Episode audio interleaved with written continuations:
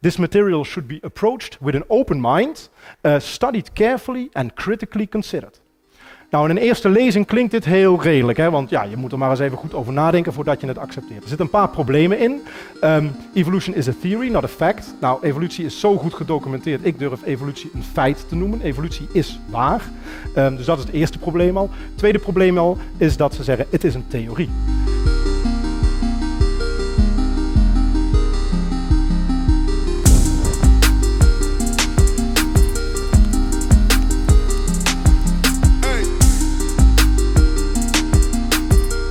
Very explicit from my little Winnie the Pooh bear-sized mind.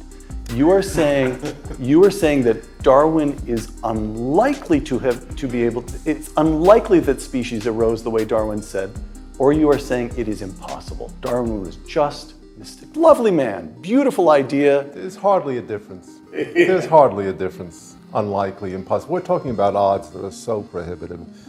If you wish to say it's impossible, fine. I'll defend you saying it's impossible. If you wish to say it's highly unlikely, I'll be in your corner as defense attorney as well. But there's no practical difference. It's look, we've known It about just didn't these things for way. hundreds of years. Right. You get a million monkeys and a million typewriters, all of them typing at random. We know they're not going to produce the collected works of Shakespeare in anything like a reasonable amount of time. Wat je het meest tegenkomt in Nederland en waarschijnlijk in een groot deel van de westerse wereld is atheïsten, agnosten en onderliggend zit daar vaak de overtuiging van naturalistisch materialisme.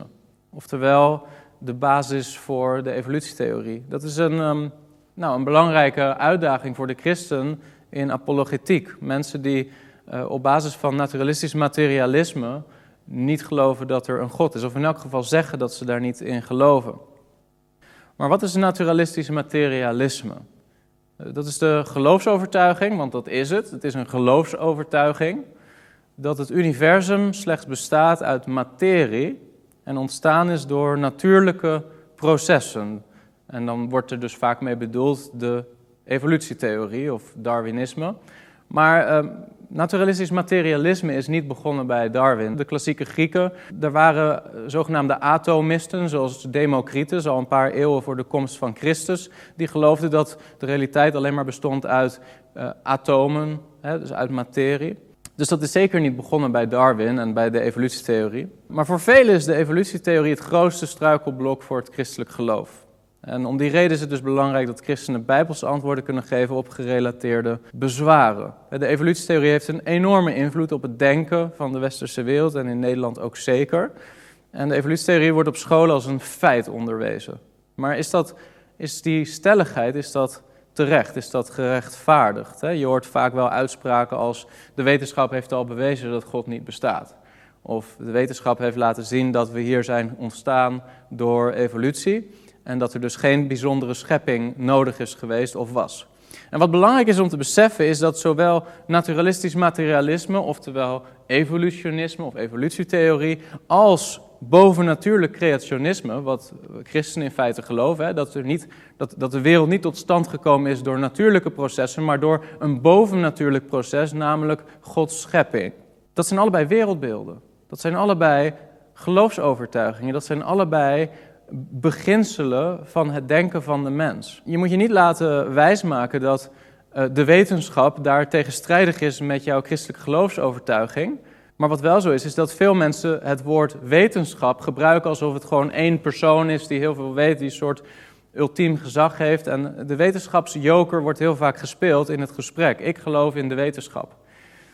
Nou, als je zelf een beetje werkzaam bent in de wetenschap, dan weet je dat de wetenschap best wel een ingewikkeld concept is. En dat je dat zeker niet zo makkelijk um, in, in zo'n zin kan verwerken. Allerlei wetenschappelijke artikelen worden gepubliceerd door allerlei verschillende mensen, in allerlei verschillende onderzoeksgroepen, op het gebied van allerlei verschillende um, domeinen.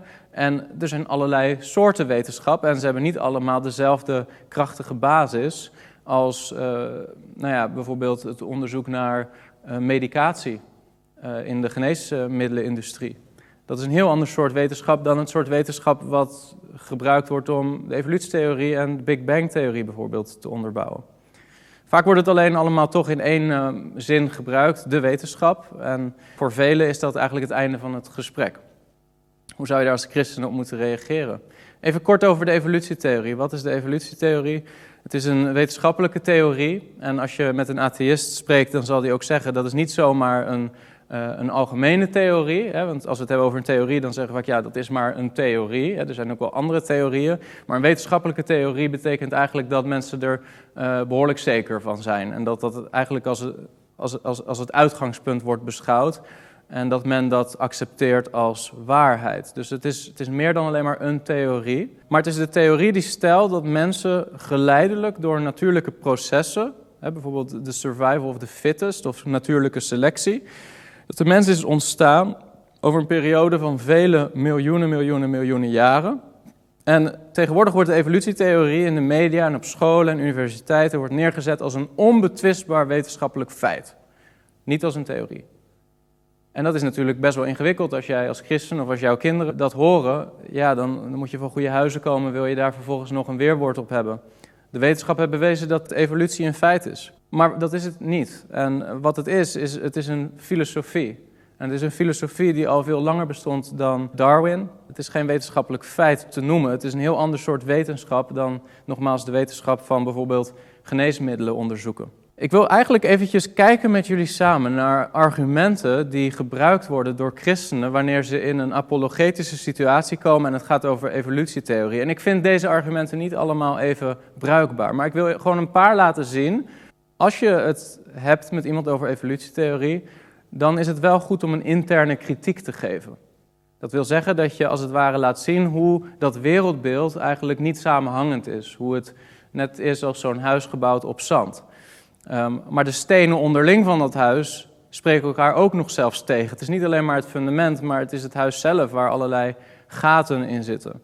Uh, een voorbeeld van zo'n argument voor een interne kritiekargument kan zijn dat er allerlei mathematische problemen zijn rondom kans in de evolutietheorie. Dus als, als men ervan uitgaat dat ja, evolutie en het leven tot stand is gekomen door materie die door willekeurige processen eh, gevormd is tot complex leven, daar, daar kun je mathematische modellen op loslaten.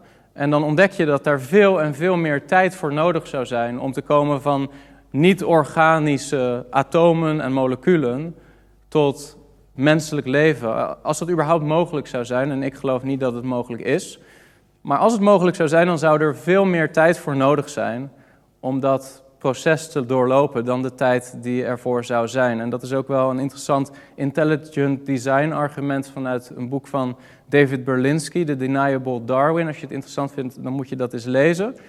Maar er zitten echt wel behoorlijke interne problemen in de evolutietheorie. Bijvoorbeeld rondom de Cambrische explosie, waarbij in een relatief kort tijdsbestek er opeens hele hoop verschillende diersoorten uh, tot stand zijn gekomen. Al dus de evolutietheorie-aanhanger. Uh, de kans dat dat zou zijn gebeurd op die manier is verwaarloosbaar. Right? Get a million monkeys and a million typewriters, all of them typing at random. We know they're not going to produce the collected works of Shakespeare in anything like a reasonable amount of time. It's like that wonderful episode of The Simpsons. Do you remember it? Mr. Burns has a million monkeys typing in a million typewriters. they're going to produce the greatest novel ever written. He pulls out one sheet of paper and says, It was the best of times, it was the blurst of times. it was the best of times, it was the blurst of times, you stupid monkey. stupid monkey.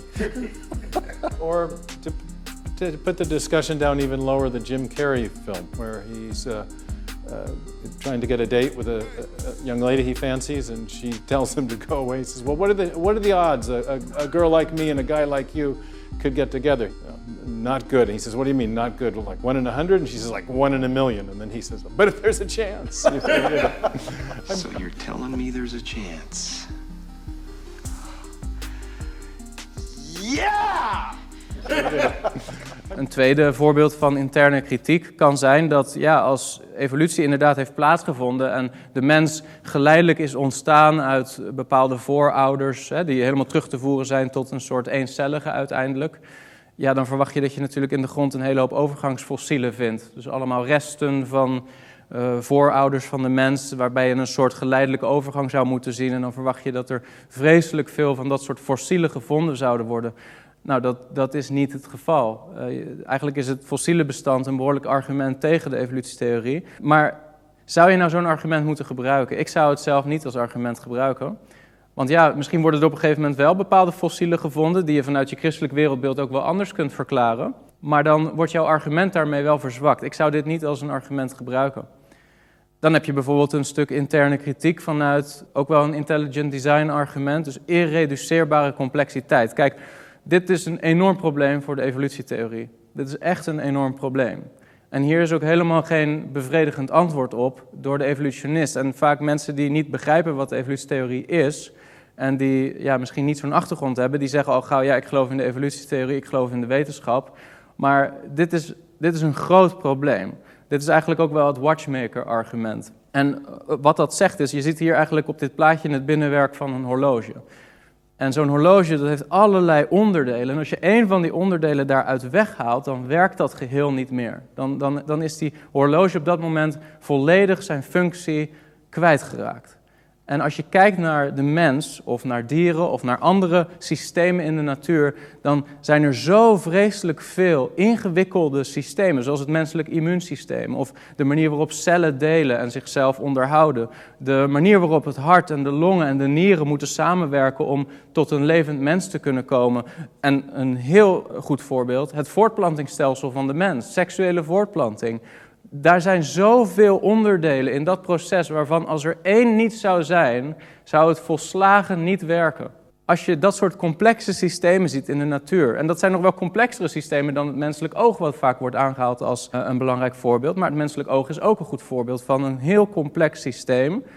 En de gedachte van Darwinisme en de evolutietheorie is natuurlijk dat veranderingen geleidelijk zijn ontstaan. En elke verandering zou op zichzelf een voortplantingsvoordeel moeten geven. Het is niet zo dat, dat zo'n systeem tot stand komt als die veranderingen op zichzelf niet een soort voordeel geven, want dan worden ze weer uitgeselecteerd. Zo werkt survival of the fittest en zo werkt natuurlijke variatie en zo werkt ook het behoud van bepaalde mutaties. Ik zeg misschien ingewikkelde dingen, maar waar het op neerkomt is, dit zou nooit op deze manier kunnen werken. En als jij als wetenschapper of als evolutietheorie-aanhanger gelooft dat elk onderdeel van zo'n complex systeem als het immuunsysteem op zichzelf overlevingsvoordeel biedt, ik geloof niet dat je dat kan aantonen. En ik heb ook eerlijk gezegd nooit mensen ontmoet die dat kunnen laten zien. Ja, er kunnen wel eens voorbeelden genoemd worden. Theorieën van hoe één specifiek onderdeel van zo'n systeem ook wel een voordeel zou kunnen bieden, zonder dat de rest van dat systeem er is. Maar dat zou je in feite moeten doen voor elk onderdeel van dat systeem.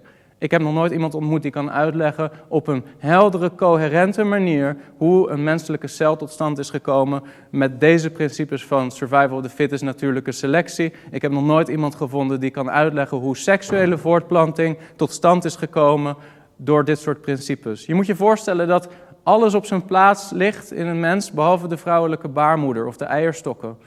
Dan heeft natuurlijk de rest totaal geen nut meer. dit is dit is een vernietigend argument tegen evolutie. Maar ik zou dit nog steeds niet gebruiken als mijn uitgangsargument.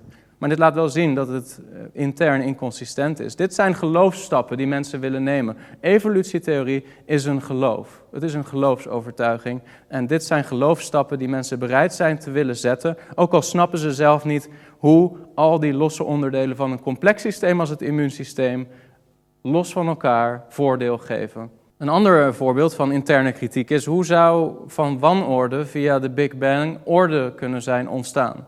Ik weet niet hoe het bij jou zit, maar ik heb nog nooit gehoord dat ergens iemand een bom heeft laten ontploffen en dat er vervolgens allemaal nieuwe diersoorten uit voortkwamen en mooie bloemen en uh, orde. Nee, wat we meestal zien na een explosie is wanorde. Alles wat functioneel was, auto's, uh, misschien een vliegtuig, een mooi gebouw, het ligt allemaal aan gort. Explosies leiden tot wanorde. En de theorie van de Big Bang zegt eigenlijk dat het hele heelal geconcentreerd was in één punt, wat op enig moment is gaan uitzetten door een soort explosie. En wat geleidelijk een soort universum is geworden met allemaal orde erin. Dat hebben we nog nooit waargenomen, dat zoiets zou kunnen bestaan. Dit is waanzin. En toch wordt dit geleerd als een feit. Op basis waarvan geloven ze dat? Op basis van het fenomeen dat wij zien dat het heelal uitdijt. En dat kan gemeten worden uit spectroscopische waarnemingen door kosmische achtergrondstraling. Dus gaat men ervan uit dat omdat we in het hier en nu observeren dat het heelal uitdijt, dat ja, waarschijnlijk dat dan, als je de tijd terugspoelt, dat dat allemaal vanuit één punt is geëxplodeerd. Nou ja, om tot die conclusie te komen moet je een belangrijke aanname doen, namelijk dat de omstandigheden in het verleden hetzelfde waren als in het heden. En dat is natuurlijk een enorme aanname. En als je die aanname bereid bent te zetten, dan heb je een geloofstap gezet. Dan heb je een geloofstap gezet. Evolutietheorie is een geloofsovertuiging. Ik zeg niet dat je er niks mee kan verklaren. Je kan een hele hoop verklaren met de evolutietheorie, maar het blijft een geloofsovertuiging. Het blijft een theorie. Een ander belangrijk aspect voor interne kritiek. Hoe kun je van niet leven, dus anorganische materie, komen naar leven? Dat hebben we nooit geobserveerd dat zoiets kan. En dat is dan ook een geloofsovertuiging. Leven is enorm complex. Als je hier dit plaatje ziet, dan zie je gewoon één cel. Een cel is ingewikkelder dan de motor van Max Verstappen in zijn Formule 1-auto. Er is niemand die gelooft dat zo'n complexe motor tot stand komt. Er is een heel team van ingenieurs, technische ingenieurs, die werken voor Red Bull, die Max Verstappen helpen om die auto, om die motor zo af te stellen dat het werkt. En als er maar één onderdeel uit zou worden gehaald, werkt het niet. Menselijke cel is veel ingewikkelder.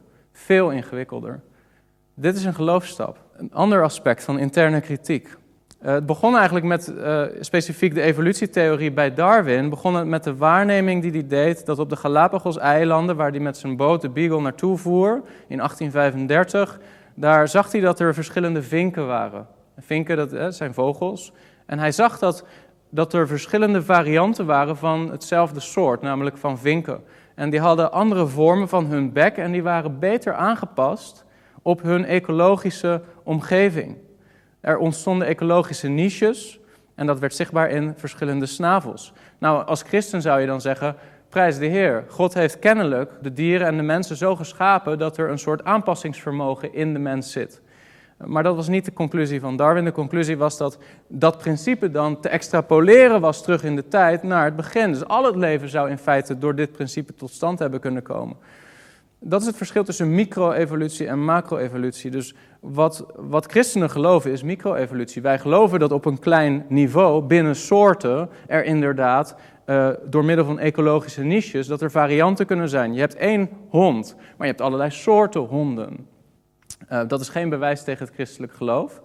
Uh, maar wat vervolgens Charles Darwin zegt is, al die soorten die moeten ook gemeenschappelijke voorouders hebben. Dat is een geloofsovertuiging, dat heeft niemand ooit waargenomen en dat is dan ook een niet valide argument tegen het christelijk geloof. Dit is, vaak wordt dit allemaal als wetenschap neergezet, maar hier zitten enorme aannames onder, onder dit wereldbeeld. Een ander aspect, interne kritiek. Ik ben nog steeds niet gekomen op de meer presuppositionele manier om dit gesprek te voeren, maar daar kom ik zo. Maar een ander aspect van interne kritiek, en dat noemde ik net, net ook al, is dat empirische wetenschap, dat wil zeggen, eh, empirisch betekent op basis van waarnemingen, dus zintuigelijke waarnemingen, dat wat gezien kan worden, dat wat geobserveerd kan worden. Dus dat is eigenlijk de basis van wetenschap, dat je dingen ziet, dat je die beschrijft, dat je onderzoek doet, observeert en uh, kennis opbouwt op die manier door, door middel van proefondervindelijke experimenten. Empirische wetenschap, dat is wat we doen als we een geneesmiddel onderzoeken. Als ik bijvoorbeeld uh, een pilletje heb, paracetamol, en ik heb een ander pilletje, dat is placebo, dan organiseer ik een randomized controlled trial, dus een soort, uh, een soort onderzoek met allerlei mensen die ik daarin willekeurig het ene pilletje geef of het andere pilletje geef. En dan ga ik onderzoeken. De groep die paracetamol heeft gehad, heeft hij nou minder last van pijn dan de groep die het placebo-pilletje heeft gehad? En vervolgens trek ik een conclusie. Paracetamol helpt. Dat is een heel ander soort wetenschap dan het soort wetenschap wat zegt de Big Bang heeft plaatsgevonden, er is macro-evolutie geweest, etc.